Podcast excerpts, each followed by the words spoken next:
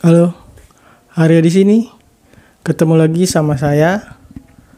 Seperti biasa, saya akan membahas tentang investasi, pengelolaan keuangan, dan juga digital marketing yang tujuannya tentu aja supaya bisa bebas finansial. Kali ini saya akan membahas tentang pengaruh kebijakan The Fed yang membuat IHSG mengalami penurunan.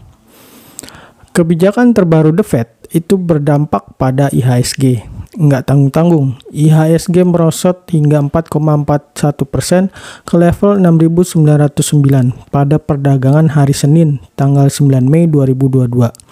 Bukan hanya IHSG, pasar obligasi pun ikut tertekan. Indonesia Composite Bond Index merosot ke level 327,45 yang merupakan level terendah dalam kurun waktu sekitar 6 bulan terakhir.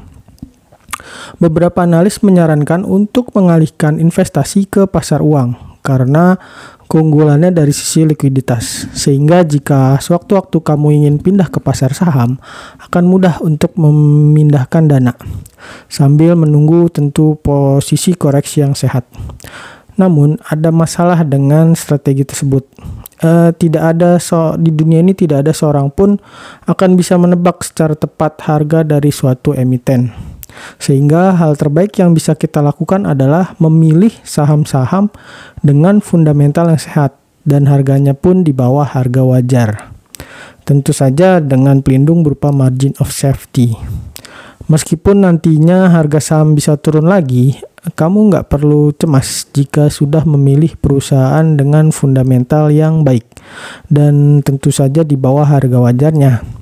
Setidaknya kamu sudah membeli sebuah perusahaan yang bagus dengan harga yang murah.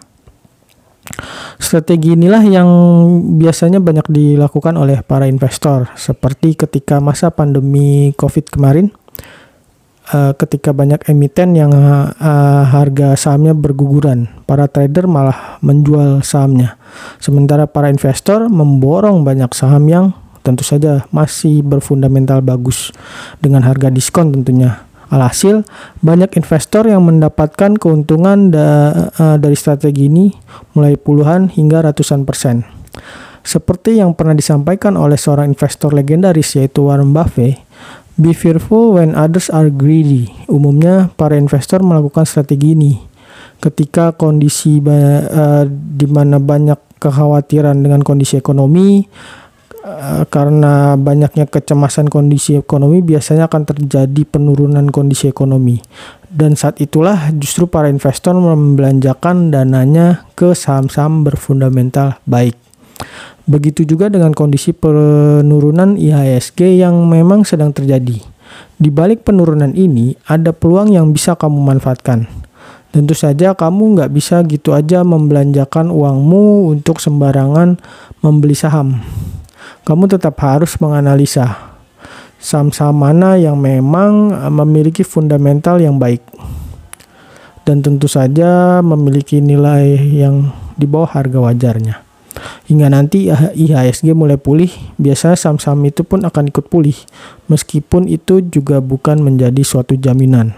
Karena di dunia saham tidak ada seorang investor atau trader yang mampu dengan tepat bisa menebak harga suatu saham dan kapan saham tersebut mencapai harga tersebut atau harga targetnya.